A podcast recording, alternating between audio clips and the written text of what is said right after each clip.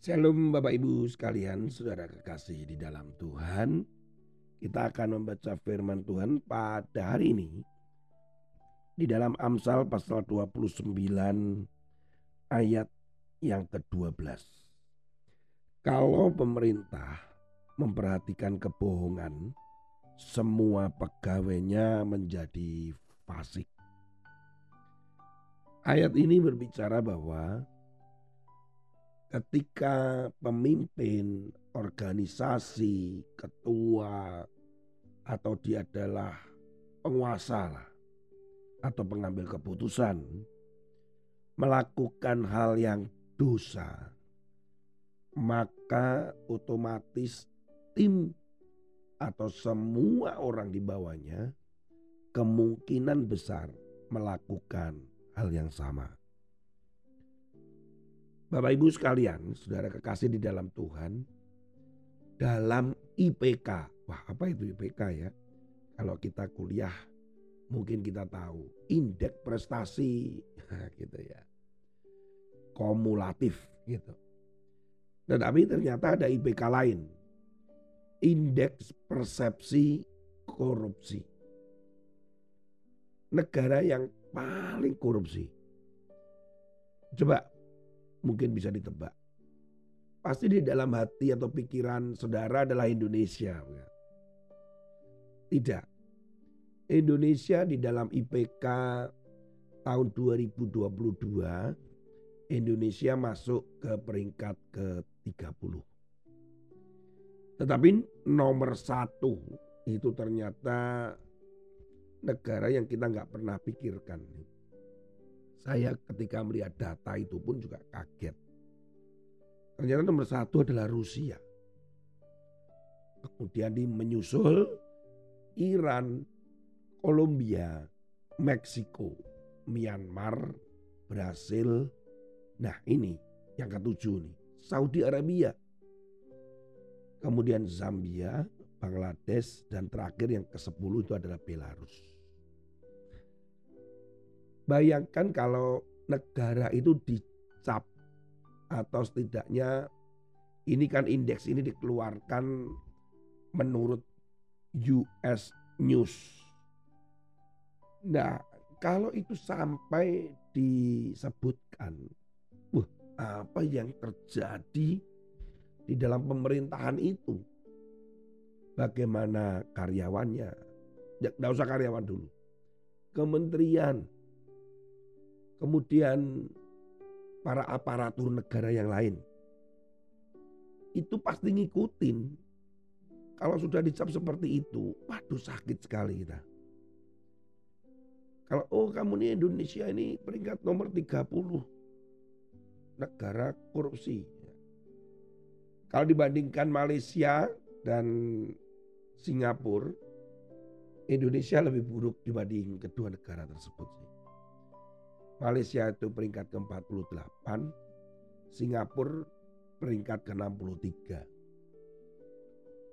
Saudara, dikatakan bahwa kalau seandainya ini, seandainya Saudara ada di sebuah perusahaan dan perusahaan itu terkenal perusahaan yang memiliki reputasi tidak baik. Entah keprofesionalinnya, entah itu integritas, kualitas, ada begitu banyak ya. Bagaimana perasaan saudara? Orang udah ngecap tuh. Mas perusahaan ini begini nih. Sama kan kalau kita uh, tahu pegawai negeri di Indonesia atau sekarang kita sebut adalah ASN, aparatur sipil negara. Ketika kita pergi ke kelurahan, kecamatan, saya pernah ya, pergi ke kelurahan, istirahat itu jam 12 misalnya. Saya datang di situ itu jam 11.55 saya masih ingat. Kurang 5 menit jam 12. Hanya untuk uh, membuat laporan KTP hilang. Bayangin. Saya ditolak. Duh, Pasti istirahat pak. Doa.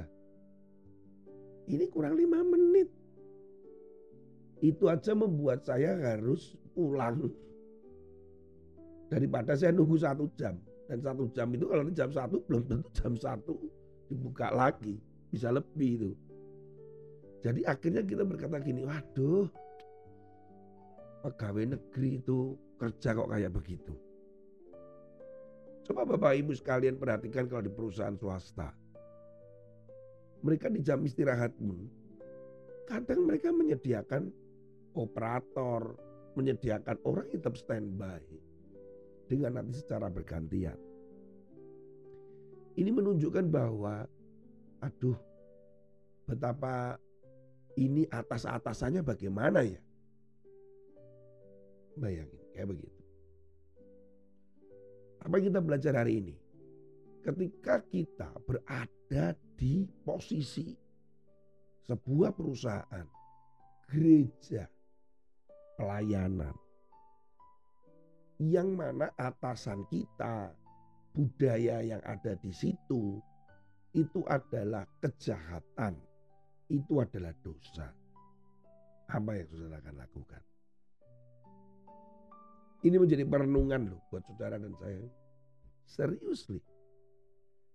Apakah saudara akan fight tetap untuk menjadi terang dan garam atau saudara give up kemudian akan keluar? Karena firman Tuhan ini katakan kalau pemimpinnya, organisasinya, pelayanannya seperti itu, maka otomatis jajaran kepengurusannya itu bisa-bisa melakukan hal yang sama. Saudara kekasih di dalam Tuhan, kita melihat kasusnya Yusuf ajalah. Apa yang terjadi pada Yusuf? Yusuf ada di Mesir loh.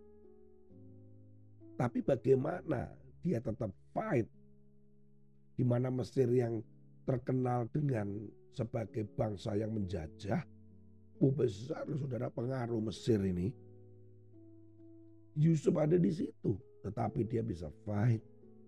Bagaimana suku-suku Israel bisa tinggal di situ semakin kuat hingga akhirnya ditakuti. Kemudian yang terjadi adalah diperbudak. Tetapi ingat, mereka ditakuti. Sudah kekasih di dalam Tuhan, berdoalah untuk Tuhan memberi kekuatan buat saudara. Ketika Tuhan memerintahkan saudara atau saudara memang ada di situ untuk menjadi terang dan garam, lakukan. Jangan ikutin arus. Apa pun kata orang di luar sana, tetapi yang tahu adalah Tuhan. Tuhan tahu isi hatimu.